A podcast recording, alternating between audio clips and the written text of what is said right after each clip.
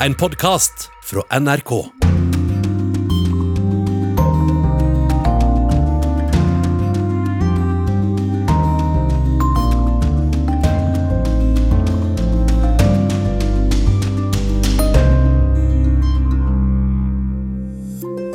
Mens færre flyktninger og asylsøkere kom seg til Europa pga. pandemien i fjor, er det nå igjen flere som legger ut på en farlig reise. Taliban hevder å kontrollere rundt halvparten av distriktene i Afghanistan. De vil neppe dele makt med dagens regjering, sier en Taliban-kjenner til NRK. No intentions to share power with the Kabul government. They don't believe in elections. Og vi skal høre om en champagnekrangel mellom Frankrike og Russland pga. en ny russisk lov. Det heter nemlig at boblevin som er produsert i Russland, er den eneste som har rett til å bruke betegnelsen champagne eller sjampanskoje på russisk. Så må vi ikke glemme fotballfinalen i morgen. Hvis det går veien for England, så kan landets store syndebukk bli en helt. Vel møtt til Urix på lørdag. Jeg heter Marit Kolberg. Vi starter denne sendingen i Haiti. We believe uh, that infrastructure of the countries uh, like uh, the port, airport. Valgminister Mathieu Pierre forklarer at landet ba USA om hjelp fordi man nå frykter at viktig infrastruktur, sånn som flyplass og havner, kan bli angrepet. Um. Det er mye uro i landet etter at president Jovenel Moïse ble drept natt til onsdag. En stor menneskemengde samlet seg foran den amerikanske ambassaden i hovedstaden da det gikk rykter om at det var mulig å få søkt asyl og få tilflukt der. Men det er nok bare rykter, og USA har heller ingen planer om å sende soldater til Haiti.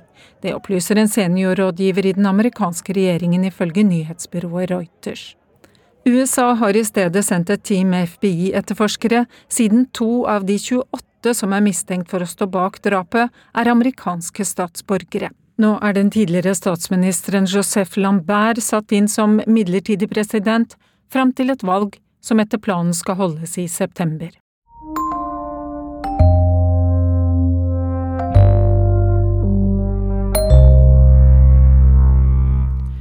Til tross for koronapandemien fortsetter flyktningstrømmen inn i Europa, og det lages stadig nye veier inn.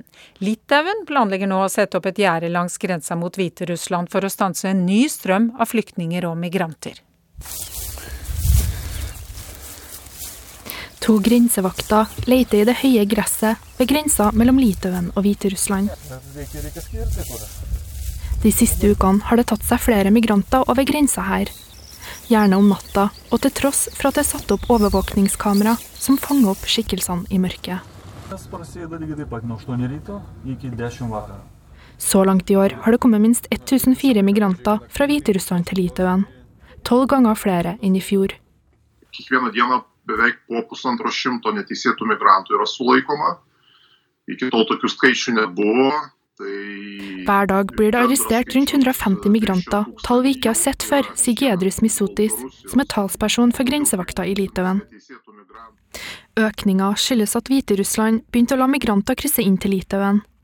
Etter at EU innførte sanksjoner som svar på at et Ryanair-fly ble tvunget til å lande i Minsk for å pågripe den hviterussiske journalisten og aktivisten Raman Pratasevitsj. Prieš Lietuvą yra vykdomas e, hybridinis karas ir mes turime būti vieningi, susitelkę tiek savivaldos, tiek nacionaliniam lygmenyje, sprendžiant šitos iššūkius. Det er en hybridkrig som nå føres mot Litauen. Vi må stå samla for å møte disse utfordringene, sier Litauens innenriksminister Agne Bilotaite. Forrige uke erklærte litauiske myndigheter unntakstilstand.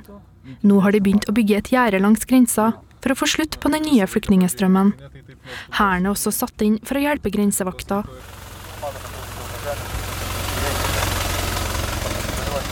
Men dette er ikke det eneste stedet som merker presset.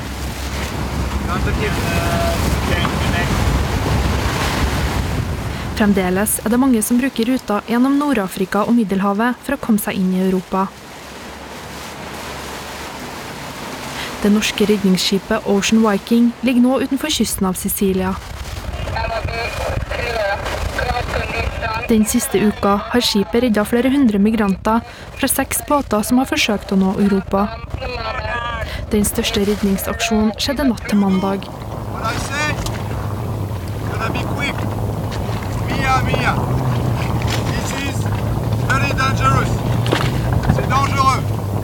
hele 369 migranter ble redda fra en trebåt utenfor kysten av Libya. Bildene fra redningsaksjonen viser at båten var fylt med baderinger.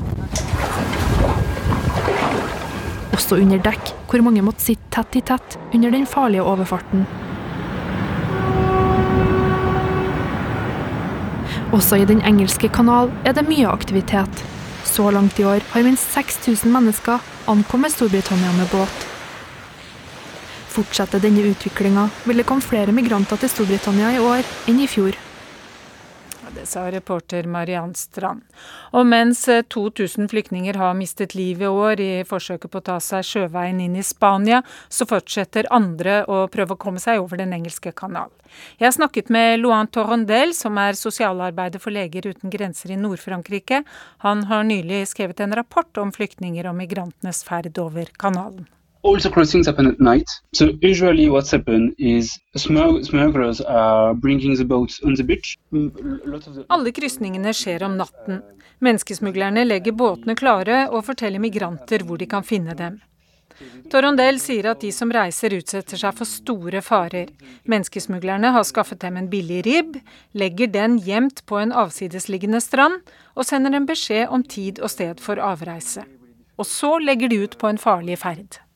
Lots of the lots of people in, uh, on the board uh, doesn't have any maritime skills. They doesn't have any maritime knowledge, so they don't really know. De som går om bord har ofte liten erfaring i hvordan slike båter skal føres. De legger ut på vannet uten noen form for lys eller merking. Og det er sjelden de har redningsvester, forteller Torondel. Det er en farlig ferd. They are overcrowded. Um, really, really often the the, the motor is is, is broken, or they don't have enough enough fuel to finish the, the crossing. I Den engelske kanal er det sterke havstrømmer. Menneskesmuglerne utstyrer båtene ofte med små og dårlige motorer, og det er ikke alltid nok bensin engang til overfarten, sier han. Og dermed blir båtene liggende og drive i kanalen der det går store lasteskip og ferger. Britiske myndigheter har tauet i land flere og flere slike båter nå de siste årene. Torondel sier han er veldig bekymret over utviklingen. people are just desperate. They just want to cross. So when people are seeing it, when they see that they they just have the channel to cross, they're really willing to accept take more risk and to yeah to take the risk to die in the channel if they can make it. So so yeah, I I I'm honestly uh, really worried for the summer. Ja, når de ser at det bare er et lite strekk over Den engelske kanal, så er folk eh, villige til å risikere livet for å komme seg over, hørte vi en bekymret Luan Torondel si her. I Afghanistan hevder Taliban at de nå kontrollerer rundt halvparten av landets 400 distrikter. Like før helgen tok de kontroll over de to viktigste grensebyene, den ene ved grensa til Iran og den andre ved grensa til Turmekistan. En av verdens ledende Taliban-kjennere tror ikke de er noe spesielt innstilt på å dele makten med den nåværende regjeringen. Islam Kala ved grensa til Iran i forgårs. Taliban-soldater feirer at de har tatt kontroll over den strategisk viktige grensebyen. På en pressekonferanse i Moskva i går sa en av deres forhandlere, Shahabuddin Delavar, at de nå kontrollerer 85 av landet. Når Taliban besøker den russiske hovedstaden, opptrer de nærmest som statsledere. De forsikrer om at alle institusjoner, skoler og sykehus vil fortsette å fungere i de områdene de kontrollerer. Og Taliban hevder at de ikke ønsker monopol på makten. Det tror ikke den pakistanske journalisten Ahmed Rashid noe på. Han ble verdenskjent for å ha skrevet det som mange fortsatt betrakter som standardverket om Taliban, publisert før terrorangrepet på USA 11.9.2001. They have no intentions to share power with the Kabul government. They don't believe in elections. They believe in selections. A selection to choose their leader uh, would be done by the Taliban. De har ingen intensjoner om å dele makten med Kabul. De tror ikke på valg, de tror bare på utvalg, slik at lederne kan pekes ut av Taliban uten noen form for demokratisk prosess. Det er ikke noe tegn på at de har endret seg siden 1990-årene, sier Rashid til NRK. En gruppe Taliban-soldater på motorsykler hilses velkomne idet de rykker inn i provinshovedstaden Kala Inav i Badghis-provinsen i det nordvestlige Afghanistan. Det er uklart hvem som nå kontrollerer byen. Fullastet med ammunisjonsbelter og med gevær i armen forsikrer Badgis guvernør Hesamuddin Shams at de gjør alt som står i deres makt for å forsvare provinshovedstaden. Men ifølge ubekreftede meldinger har Taliban bl.a. tatt fengselet og løslatt alle fangene. Over store deler av Afghanistan pågår det nå kamper om hvem som skal kontrollere hovedstedene i landets 34 provinser.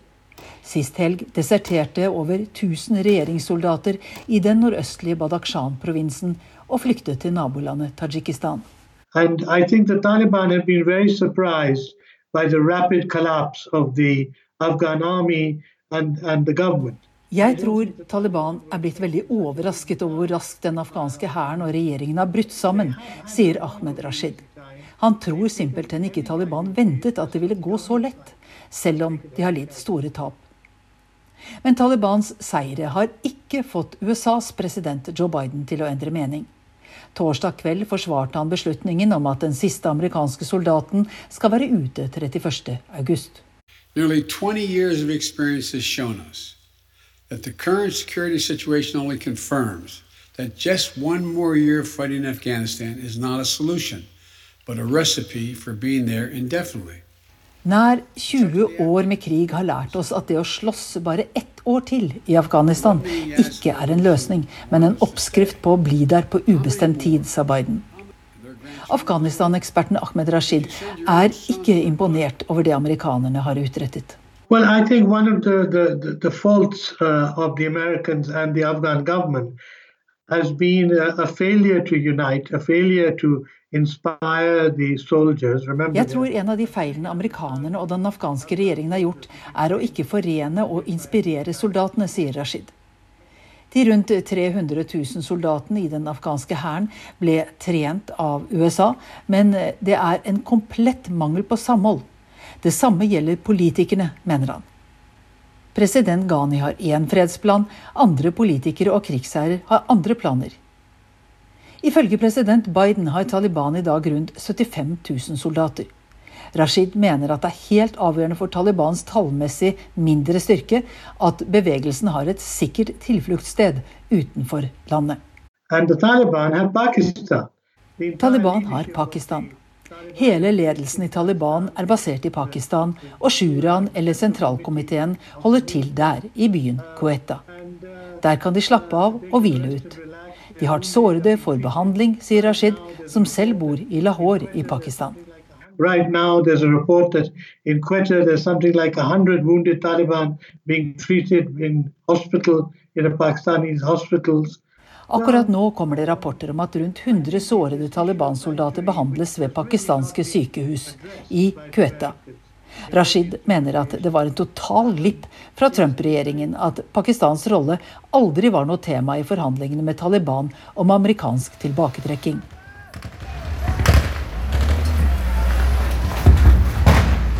Taliban har varslet at de vil legge fram sin egen fredsplan i neste måned.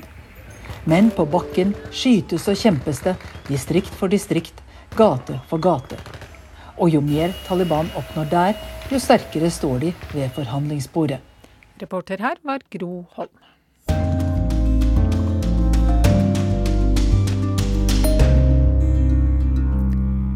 Denne uka skjedde det noe så uvanlig som et attentat på en journalist i Nederland. Det var så brutalt at mange lurer på hva det er som skjer i dette tettbefolkede landet. Nå ligger Peter de Vries hardt skadd på et sykehus, og Nederlands mest kjente krimjournalist visste jo at han levde farlig.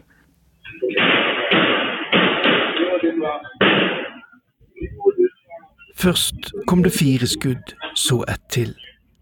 Overvåkingskameraene er mange, og noen av dem tar også opp lyd i området ved Lightsepline-plassen i sentrum av Amsterdam. Og kanskje var meningen at de skulle få med seg attentatet mot Peter de Vries ved halv åtte-tiden 6. juli. Dette er et signal til de som jobber med kritisk journalistikk rundt den organiserte kriminaliteten, sier Stephanie de Brouwer, nederlandsk journalist og TV-produsent, som i likhet med alle innenfor media er sjokkert over det som skjedde denne uken. Peter de Vries er en av Nederlands mest kjente journalister, etter at han i 40 år har arbeidet med uløste kriminalsaker og den framvoksende, organiserte kriminaliteten i dette tettbefolkede landet ved Østersjøen. Jeg finner echter dat als er in zo'n lastige, delicate zaak een dringend, bezoek, en dringend beroep Senest i mars i år snakket Peter de Vries om hvor viktig det var at sannheten om det som kalles Mokro-mafiaen kom fram. En gruppe som rekrutterer fra personer med bakgrunn fra Marokko, og som var kjent for sin svært harde interne justis for å holde kontroll over den lukrative narkotikahandelen. All that's necessary for the triumph of evil is good men do nothing. Det å ikke gjøre noe er ikke noe alternativ for meg, sa Peter de Fries på en pressekonferanse i forbindelse med Mokro-rettssaken. Jeg har jobbet i 40 år med dette og kommer ikke til å gi meg, sa han. Spekulasjonene i Nederland går nå om det var hans rolle som både journalist, men også rådgiver for noen av dem som vitnet mot de kriminelle gjengene, som gjorde at noen ønsket å ta ham av dage, eller i alle fall skade ham. Selv om denne rollen som rådgiver gikk utover den tradisjonelle journalistrollen, så mener Stephanie de Brouwer at det var dette som har gjort ham til en slags folkehelt i Nederland. Uh, he was uh, big for uh, uh, uh, for cold cases. I 2019 ble en kjent advokat, Derk Wiersum, skutt og drept utenfor sitt hjem. Han var advokat for et vitne i saken mot Ridwan Tagi, den kanskje mest kjente og beryktede lederen for et av narkotikanettverkene i Nederland. Peter de Vries har altså jobbet med høyt profilerte saker, blant annet med kidnappingen av arvingen til Heineken-konsernet, Freddy Heineken, i 1983. Peter de Vries visste at han levde farlig når han jobbet med saker rundt den organiserte kriminaliteten, sier Stephanie de Brouwer. You saw it coming, of course. I mean, uh, Peter didn't want protection. He refused protection, and I think he knew that he was under threat, um, but he just didn't want to live with, uh, you know, uh, people following him around all the time. Um, han ville ikke leve med at livvakter fulgte ham hele tiden. Andre ville kanskje gjort andre valg, sier Stefanie Dubrova nå. Hun mener at det er lett for de som styrer de kriminelle nettverkene, å få unge menn til å utføre denne type angrep eller leiemord for noen få hundre dollar. Usually young boys uh, with, you know, limited mental capacity who will take any, you know, few hundred bucks to kill someone. Stefanie de Brouwer, i likhet med hele det journalistiske miljøet i det på overflaten relativt fredelige Nederland, er selvfølgelig i sjokk etter det som skjedde med Peter de Fries. Hun vil ikke si om det får konsekvenser for hvordan media kommer til å jobbe framover, men sammenligner det å være krimjournalist i Nederland med det å være krigskorrespondent. Noen er villig til å ta denne sjansen. Det var eh, Morten Jentoft som hadde laget denne saken. Mellom Russland og Frankrike så utvikler det seg nå en skikkelig krangel om champagne, altså denne boblende vinen som kommer fra nettopp dette franske området. Det russiske parlamentet har nemlig vedtatt en lov som sier at bare boblevin produsert i Russland kan merkes med champagne, eller champanskoje som det heter på russisk. All slik vin fra utlandet må merkes med musserende vin, til og med den, den, som kommer fra champagne, og det er noe franskmennene har vondt for å svelge.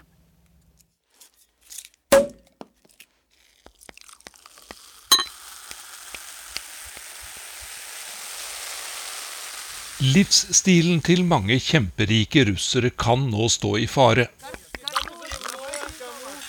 De risikerer å ikke lenger få jevnlig tilgang til de edle dråpene fra champagnedistriktet i Frankrike. Ça a été un, un coup de tonnerre en Champagne.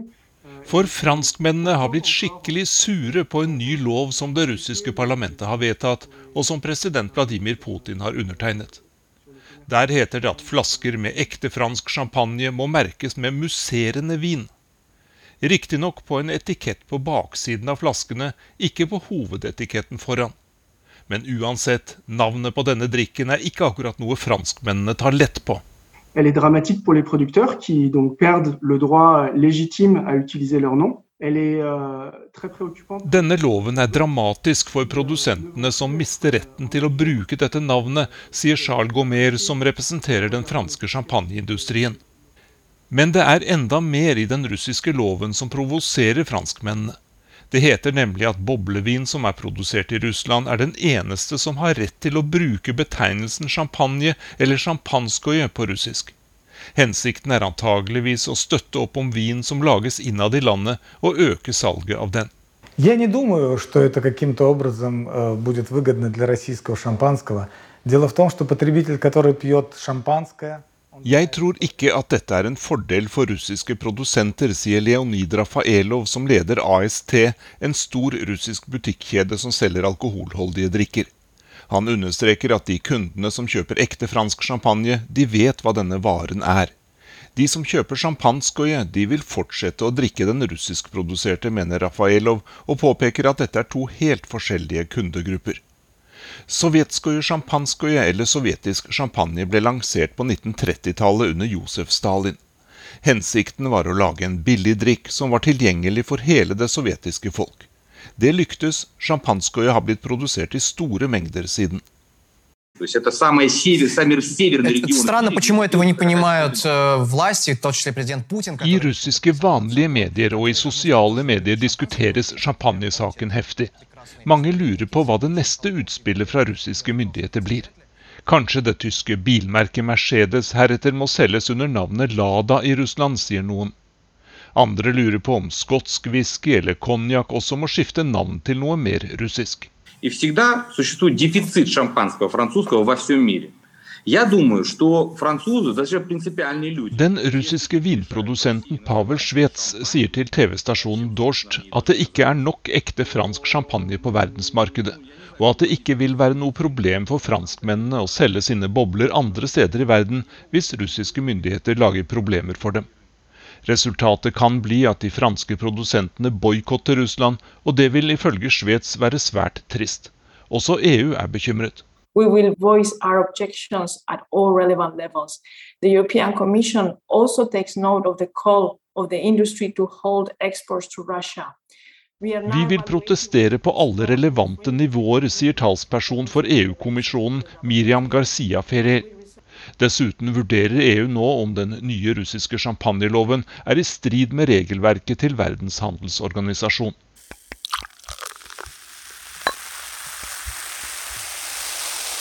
Russere som har råd til å kjøpe ekte fransk champagne, bør kanskje forte seg til butikkene mens det er noe igjen.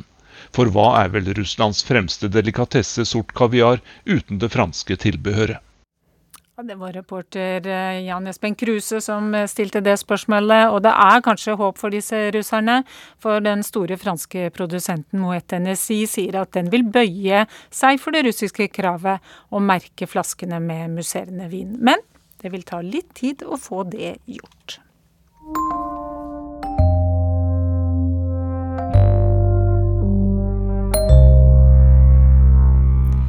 Nå til Italia og England som møtes i finale på Wembley i morgen. Det er et kvart århundre siden engelskmennene sist håpet at de kunne vinne fotball-EM på hjemmebane. Slik ble det ikke den gang. Én mann ble den store syndebukken da. Men i morgen kveld så kan den samme mannen bli hele nasjonens helt. Kollega Tore Moland har gjort seg noen tanker om den engelske landslagssjefen Gareth Southgate.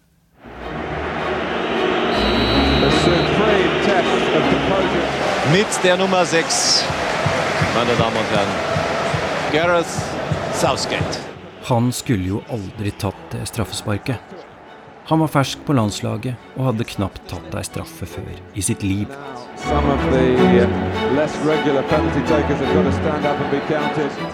Men da det sto uavgjort mot Tyskland i semifinalen, og England hadde brukt opp alle de vanlige straffeskytterne sine, stakk forsvarsspiller Gary Southgate hånda i været og sa det var hans tur.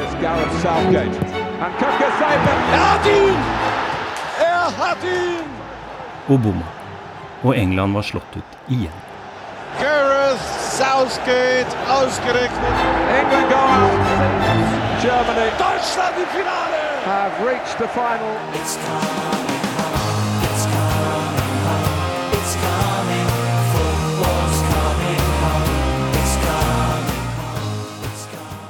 Året var 1996. Det var Britpop og Cool Britannia.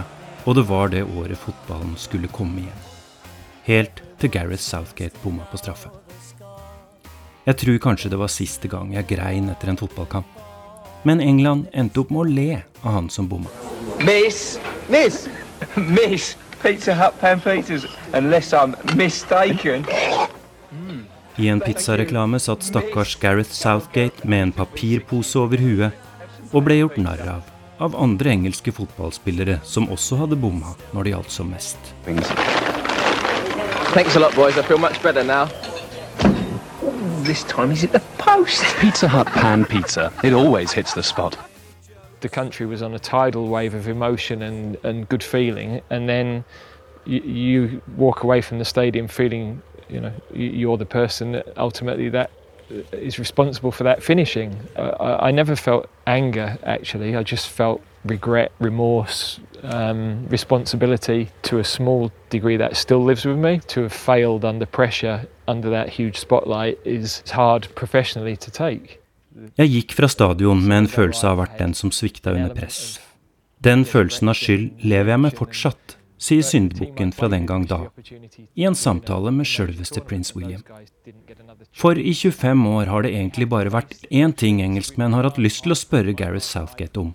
Straffebommen mot erkefienden Tyskland den gangen England endelig skulle vinne EM.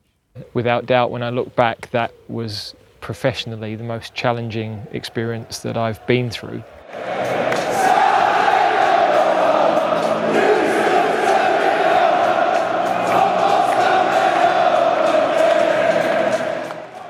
Men hør her, nå har det skjedd noe.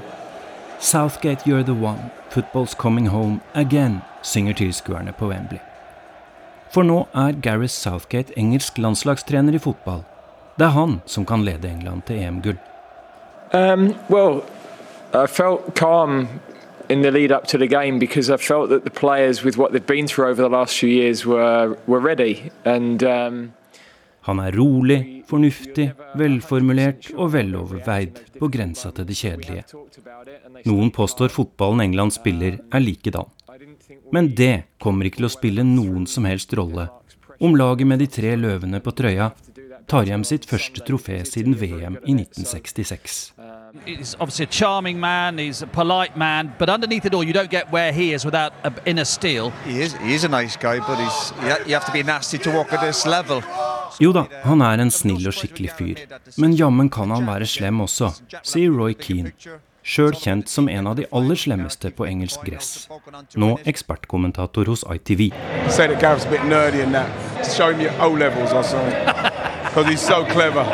Med høflig middelklassebakgrunn og gode karakterer på skolen, kretsrekord i tresteg og jobberfaring som eiendomsmegler, er ikke Gareth Southgate den klassiske engelske fotballtypen.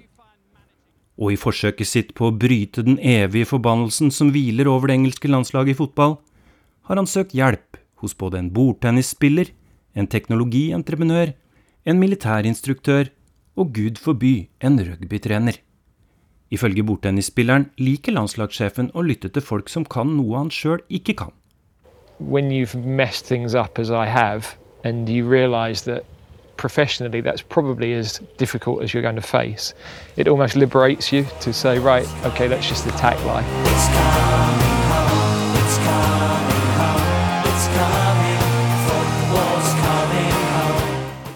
I morgen, en eller annen gang før midnatt, veit vi om syndebukken fra et kvart århundre tilbake blir ny nasjonalhelt med EM-gull i premieskapet og en adelstittel på vei fra dronninga. Sir Gareth.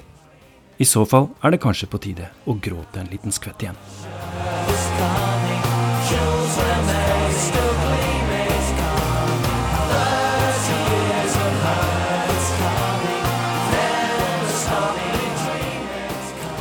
Noen som kommer til å synge denne sangen et par ganger det neste døgnet, tenker jeg. Dette var Battle Battle Skinner Lightning Seeds med denne tradisjonsrike sangen Three Lions.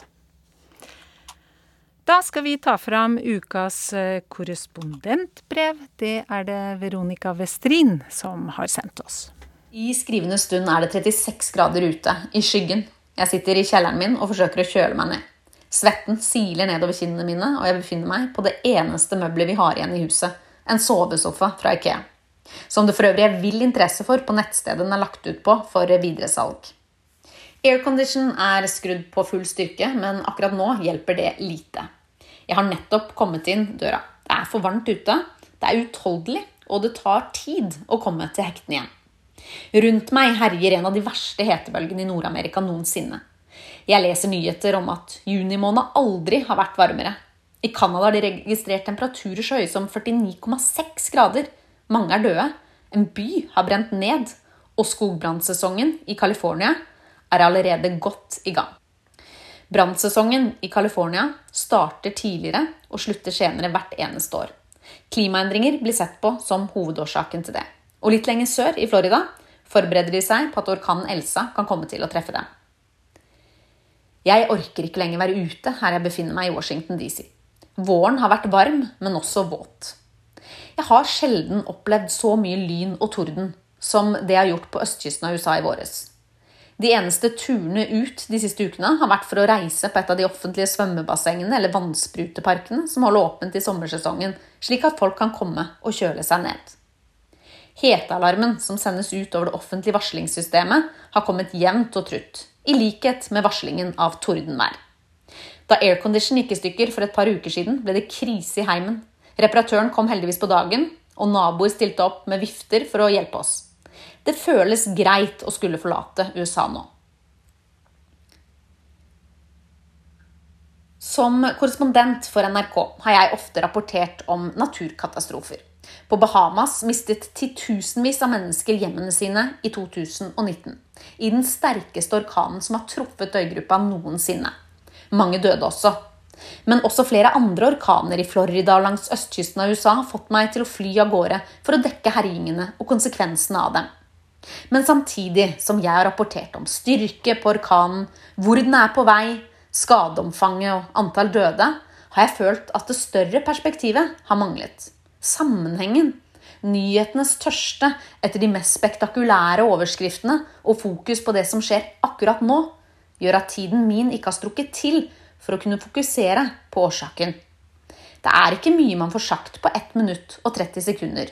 Som oftest er det den tilmålte tiden på TV. Og uka etter er det en annen nyhet som får all fokuset. Naturkatastrofen blir glemt, før en ny orkan får all oppmerksomheten. Jeg glemmer imidlertid ikke. Møtene med folk som har mistet alt de eier, og desperasjonen i ansiktene til folk som har mistet sine aller nærmeste, er noe av det som sitter sterkest i minnet fra tiden i USA. Noe av det siste jeg gjør før jeg forlater USA, er å ta en kaffe med en australsk kompis som plutselig dukker opp i DC. Vi er sånne som møtes litt tilfeldig hvert tredje år eller noe, et eller annet sted i verden, fordi vi plutselig befinner oss på samme sted. Vi traff hverandre da vi jobbet som frivillige på Galapagosøyene, der vi bidro til å rydde nasjonalparken og gjenopprette habitatet til de innfødte kjempeskilpaddene. På øyene der Charles Darwin fikk inspirasjon til utviklingen av evolusjonsteorien og boka 'Artenes opprinnelse', er flere arter truet pga. klimaendringer. I dag er kompisen min Owen forskningsassistent ved Harvard University, der han forsker på klimaendringer med et økonomisk perspektiv. Et døgn før jeg forlater USA, forteller Owen meg om et nytt prosjekt han jobber med. Han vil nå starte et fond som gjør eiendomsinvesteringer basert på klimarisiko. Om 30 år vil det kanskje ikke lenger være Naples i Florida pensjonistene strømmer til. Mange godt bemidlede amerikanere flytter til Florida når de pensjonerer seg i dag. Kanskje vil de heller strømme til Michigan, forklarer han ivrig, og peker på at de må ha et langsiktig perspektiv på investeringene. Jeg ser poenget hans. Verden er i endring. Klimaet blir våtere, villere og varmere. Menneskeskapte klimagasser bidrar til det. Når jeg nå skriver dette korrespondentbrevet om klimaendringer, er jeg forberedt på hatmail. Det er nemlig få ting som engasjerer mer enn klima og miljø, og hver gang jeg har omtalt temaet tidligere, våkner jeg opp til hets. Det samme gjelder for øvrig tidligere president Donald Trump. Jeg undrer meg over hvorfor det er sånn. Men fakta er tydelig. Ifølge FNs klimapanel vil temperaturen øke med mer enn 1,5 grader, trolig ikke mer enn 4 grader, fram til 21. Eh, sammenlignet med 1850 til 1900. Men for å holde oppvarmingen under dette, så må vi redusere utslippene globalt. Og det er ikke lite som kreves. Det haster. Innen 2030 må utslippene reduseres med 40-50% i forhold til 2010. Landene i Parisavtalen har meldt inn sine nasjonale bidrag til kutt. Men selv om alle de gjennomføres, vil temperaturen fortsette å øke med tre grader framover. Det er så drastiske grep som må tas. Og i 2020 klarte ikke engang Norge å nå klimamålene. Når jeg skriver 'ikke engang Norge', er ikke det fordi jeg mener at Norge er best i klassen. Selv om vi alle innerst inne kanskje skulle ønske det var sånn. Vi liker jo å være best, vi i Norge. Men miljøindeksen Environmental Performance Index, som sammenligner miljøstanden i 180 ulike land, viser at Norge kommer bak våre skandinaviske naboer på lista. Jeg har vært på plass i FNs hovedkvarter da verdens ledere møttes for å diskutere klima. Når jeg snakker med folk fra andre land, kommer vi ofte over på paradokset med at Norge, som en oljenasjon, fremstiller seg som et land som gjør mye for miljøet. Jeg må innrømme at jeg også stolt forteller om elbilsatsingen vår og vårt fantastiske velferdssystem. Jeg har imidlertid ikke oppfattet paradokset med Norge som oljenasjon er noe politikerne våre ønsker å snakke så mye om. Men det gjør Greta Thunberg, som også var på plass i New York i 2019. Folk lider og folk dør, sa hun, og fortsatte. Alt dere snakker om er penger og eventyr og evig økonomisk vekst. Hvordan våger dere? sa hun med sinne og tårer i øynene. Jeg så at det gjorde inntrykk på mange av dem som var der. Jeg er mer usikker på om de faktisk gjør noe med det. Andre ting skjer raskt. Det har gått en uke siden jeg startet på dette brevet, og jeg har nå forflyttet meg over Atlanteren. Den siste natta i huset i USA fikk jeg tre nødmeldinger på telefonen. Et tornadovarsel, et torden- og lynvarsel og et flomvarsel. Og ja, det var faktisk en tornado i DC den natta. Første natta her i Norge ble også preget av tordenvær. Jeg fikk ikke noe varsel på mobilen, men eh, hørte smellene der jeg bekymret gjemte meg under dyna. Jeg er livredd i tordenvær. Og på klimafronten skjer det ting blant de yngre generasjonene på begge sider av Atlanteren. I postkassa hjemme lå miljøagentene sitt nyhetsbrev klart i postkassa til barna mine. Entusiastisk pakker de ut en tannbørste som ikke er laget av plast. På mine reportasjereiser i USA har jeg møtt mange unge som sier at nettopp klima er den viktigste saken for dem når de skal avgi sin stemme. Jeg har møtt unge som vil få til endring, og noen av dem ser ut til å ha lykkes allerede.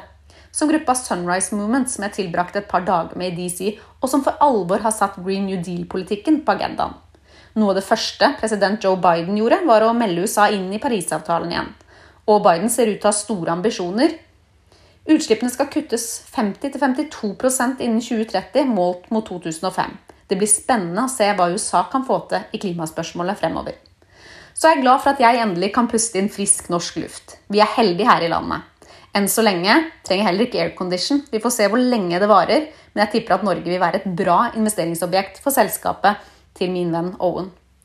Og så håper jeg vi alle gjør vårt for at det ikke skal bli enda varmere i framtida. Selv har jeg byttet ut den bensindrevne amerikanske bilen med en europeisk elbil. Og så har jeg ambisjoner om å fly mindre. Det betyr kanskje ikke så mye i den store sammenhengen, men om vi alle gjør litt, har jeg troa på at vi sammen kan få til noe stort.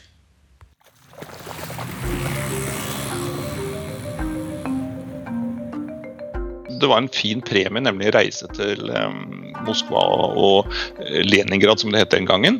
Det var altså sånn en øyeåpner. Se dette kommunistiske samfunnet så annerledes enn Hønefoss.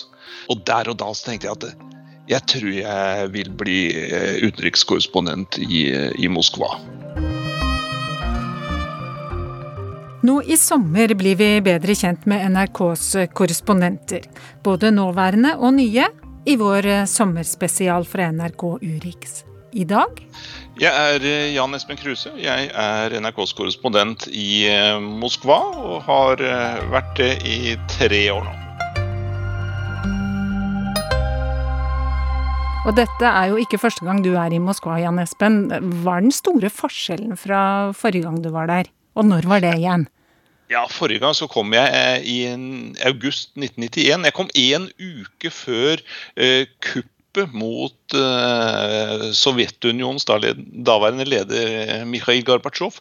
Så eh, det ble jo, altså Etter et halvt år så var Sovjetunionen oppløst, og så ble det Russland og selvstendige republikker rundt omkring. Så eh, det var jo et utrolig kaos den gangen, og forferdelig spennende å være, eh, være journalist her og oppleve verdenshistorie på kloss hold. Jeg, jeg, jeg sto jo rett ved siden av denne stridsvogna utenfor parlamentsbygningen Det hvite hus den gangen da, da Boris Jeltsin sto på den og, og, sa at han ville ikke gi etter for disse kuppmakerne.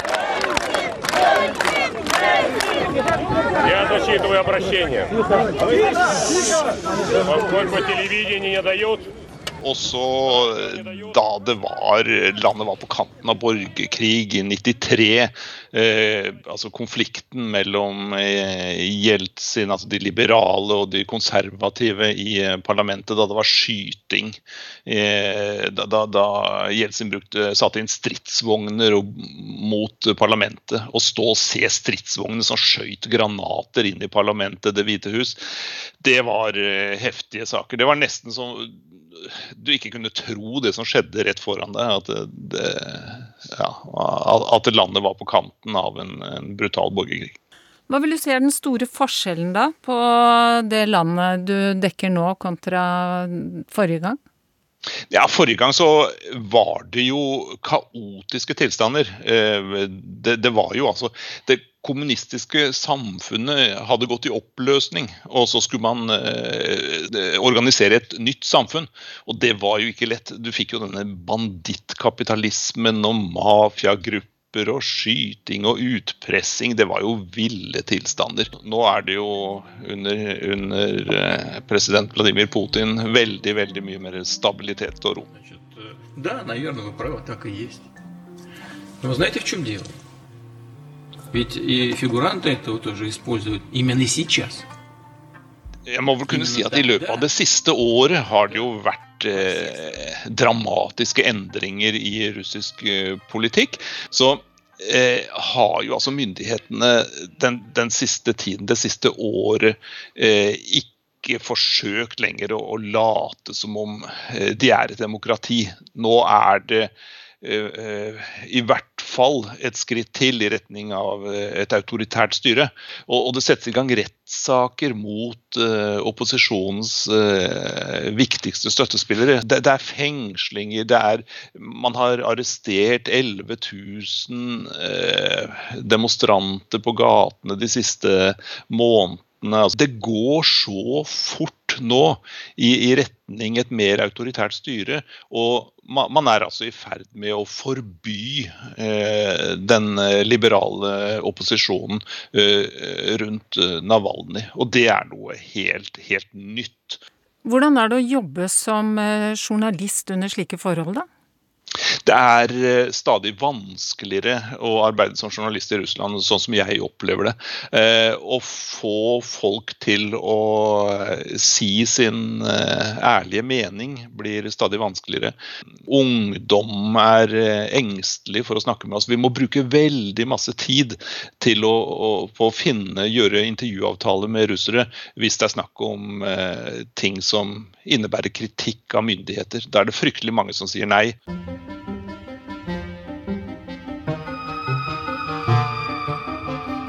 Hva gjør du for å slappe av litt i Moskva? Hvor er ditt eh, fristed i den byen? Det er veldig masse hyggelige steder å besøke her. Eh, eh, de har jo flott flotte parkanlegg. De har eh, fenomenale eh, museer eh, i byen og utenfor byen. Altså, hvor, man, hvor, man, kan se hvordan det gamle Russland var under tsartiden f.eks. Det å kjøre ut til disse stedene og rusle rundt og, og, og, og puste inn atmosfæren der, det er, det er veldig trivelig. Og så har jo vært såpass lenge her at jeg, jeg, kjenner en del russere. Og det å være sammen med dem og, og være i en avslappa atmosfære og, og, og, kunne snakke om ting uten å tenke to-tre ganger på hva man sier, eh, det er det også veldig, veldig hyggelig. Hvor viktig er det da å kunne språket for å kunne jobbe i Russland? Det vil jeg si er helt avgjørende. Uh, å komme hit uten å kunne russisk, uh, ville jeg vurdere som bortkasta. Fordi uh, med en gang man snakker, så man, oppnår man en helt annen grad av kontakt. Det gjelder jo naturligvis i alle land, men her Russerne er fremdeles ikke språkmektige. Den yngre generasjonen begynner mer å snakke fremmede språk, men det er langt igjen. Jeg har inntrykk av at du er glad i det russiske språket. Hva, hva er det ved det du liker så godt? Eh, det er utrolig vakkert. Eh, russisk poesi, russiske dikt, er jo, er jo helt fenomenale. Det er altså en dybde i det ordspill. Eh, og så er det det at det, man kan være veldig presis. Eh, på russisk. Eh, grammatikken er vanvittig komplisert. Man trenger flere liv for å mestre det skikkelig. Eh, men bommer man på en bøyning, så endres meningen. Ja, det, det, det, er, det er et, et, mektig språk, og det er ikke uten grunn at russerne sjøl er fryktelig stolte av språket sitt.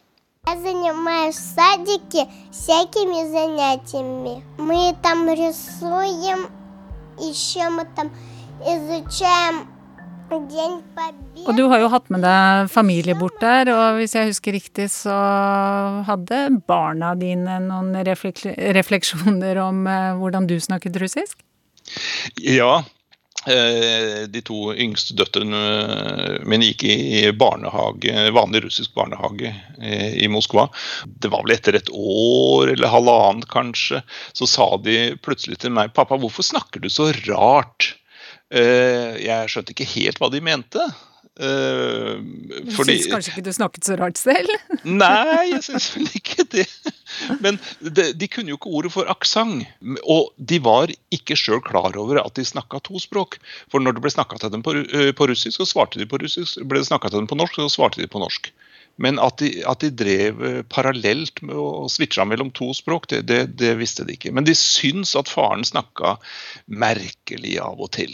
Det var ikke liksom sånn det skulle være.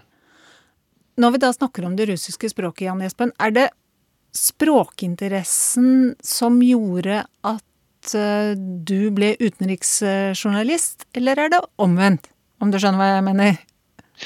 det var tilfeldigheter som avgjorde at jeg havna i, i journalistikk.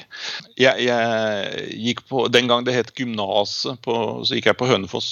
Og der, for å tjene litt ekstra penger, så tok jeg noen bilder for lokalavisa Ringerikes Blad og fikk de på trykk. Og så skrev jeg noen artikler, og det, det balla litt på seg. Så det var en inntektskilde. og så en dag så var det en, var norsklæreren min. Han sa at han hadde fått uh, en uh, invitasjon til elevene om å være med i en stilkonkurranse. Man skulle skrive en, en stil om den russiske forfatteren Aleksandr Pusjkin. Og så, eh, det, det var noe, noe, noe, litt lugubert som het eh, Vennskapssambandet Norge-Sovjetunionen som utlyste dette her. Men det var en fin premie, nemlig reise til um, Moskva og Leningrad, som det het den gangen. St. Petersburg nå. Ja, så sa jeg at hvis jeg får det godkjent som et par stiler og en særoppgave, kan jeg gjøre det, sa jeg. Og så, det var han enig i. og så var jeg en av to vinnere i denne stilkonkurransen. Og det var altså sånn en øyeåpner. Se desse, dette kommunistiske samfunnet så annerledes enn Hønefoss. Se dette på nært hold. Og, og der og da så tenkte jeg at jeg tror jeg vil bli eh, utenrikskorrespondent i, i Moskva. Jeg bestemte meg for å prøve meg på det den gangen.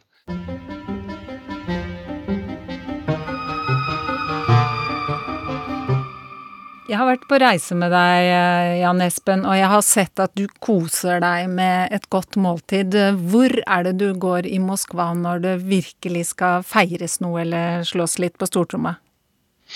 Det er jo en av de store store forandringene som har vært fra, fra første gang jeg var på 90-tallet og til nå. Nå er jo eh, Russland, eh, og spesielt Moskva og St. Petersburg, blitt eh, altså, eldoradoer for den som er glad i, i god mat og drikke. Det er det er himmelriket for gourmet, tror jeg man må kunne si. Det er så masse steder. Jeg får nesten ikke dårlig mat. Og de er stolte av det. og det er en av de store gledene ved å, kunne, ved å bo her. Det å kunne gå og, og, og, spise et skikkelig godt måltid. Nå tror jeg vi får skifte tema før noen eh, kommer og spør om du er eh, sponset av eh, det russiske stats turistbyrå eller noe, noe sånt. Nå er det jo sommer, da. Og hvor er det du har ditt sommerfristed her i hjemlandet? Ja, jeg er jo født i Stavern i Vestfold. Eh, og der har vi fortsatt eh, barndomshjemmet. Og det er det er vel mitt uh, favorittsted. Uh, jeg fikk eh, krangla meg til båtplass uh, etter, etter, en god del tid der. Så vi har en liten båt, og det er, det, er, jo fantastisk å være ute på sjøen. Det, det, det gleder jeg meg til og skal hjem i sommer. Og, og, håper på at det blir litt bra vær, da, at det kommer litt ut, ut på sjøen ellers noe av det jeg savner hjemme fra Norge, det er jo den første uka i oktober. Da prøver jeg å ha fri når jeg jobber i hjemlandet. At, Hva er det som skjer da? Ja, Da er det jo første uke i hummerfiske. Ah. Og det, vet du eh, Med disse teinene, med agn som vi har ordna, fiska eh, gjerne makrell til agn som har ordna på forhånd. Eh, sjekka at alle tegnene er i orden. Hive de ut. Etter ett døgn dra de opp igjen. Og da se om den svarte kardinalen er i, eh, er i noen av tegnene. en kamerat av meg og jeg vi har gått sammen om dette her. Eh, jeg har jo ikke fått vært med på det, dette nå de siste årene, men det, det savner jeg. Altså, det der, etter en ukes tid å, å, å, samle gode venner til et, til et hummerlag og virkelig fråtse i, i, dette her, det er, det er virkelig et av årets høydepunkter. Da er det fest. Det er det til de grader.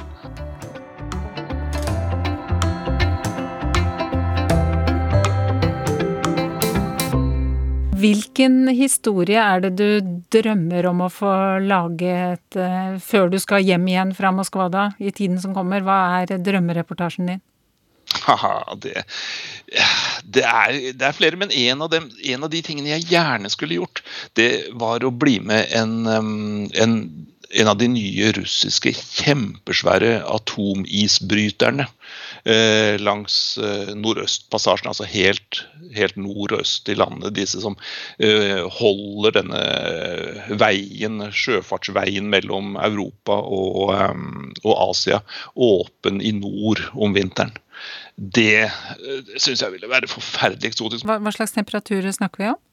Nei, jeg vet ikke riktig, jeg. Men uh, eh, 30-40 Det kan bli uh, ned mot 50 der oppe, men Ja, for men, du skal vel ut på dekk òg, tenker jeg?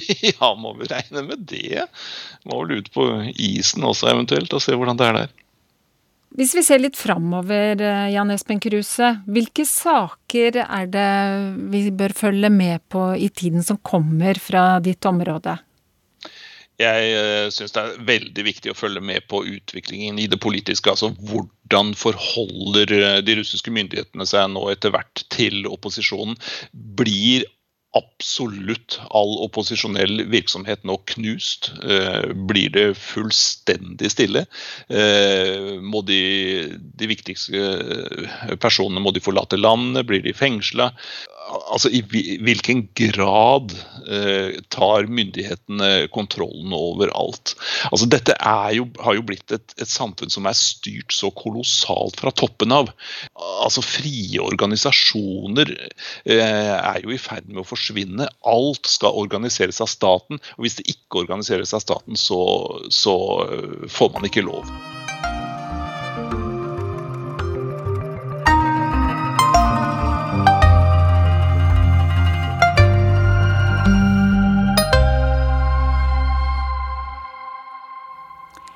Før vi runder av denne sendingen, så tar vi med at en fabrikkeier i Bangladesh er arrestert og siktet for overlagt drap, etter at 52 mennesker mistet livet i en brann torsdag. Han og sju andre personer er pågrepet etter denne brannen, som brøt ut i en forstad til hovedstaden Dhaka, og det tok eh, flere dager å få slukket brannen. Fabrikkeieren blir også etterforsket for å ha brukt barnearbeid, for unge helt ned i 11-årsalderen skal ha jobbet i denne fabrikken, der det ble laget forskjellige typer matvarer. Du har hørt en podkast fra NRK. Hør flere podkaster og din favorittkanal i appen NRK Radio.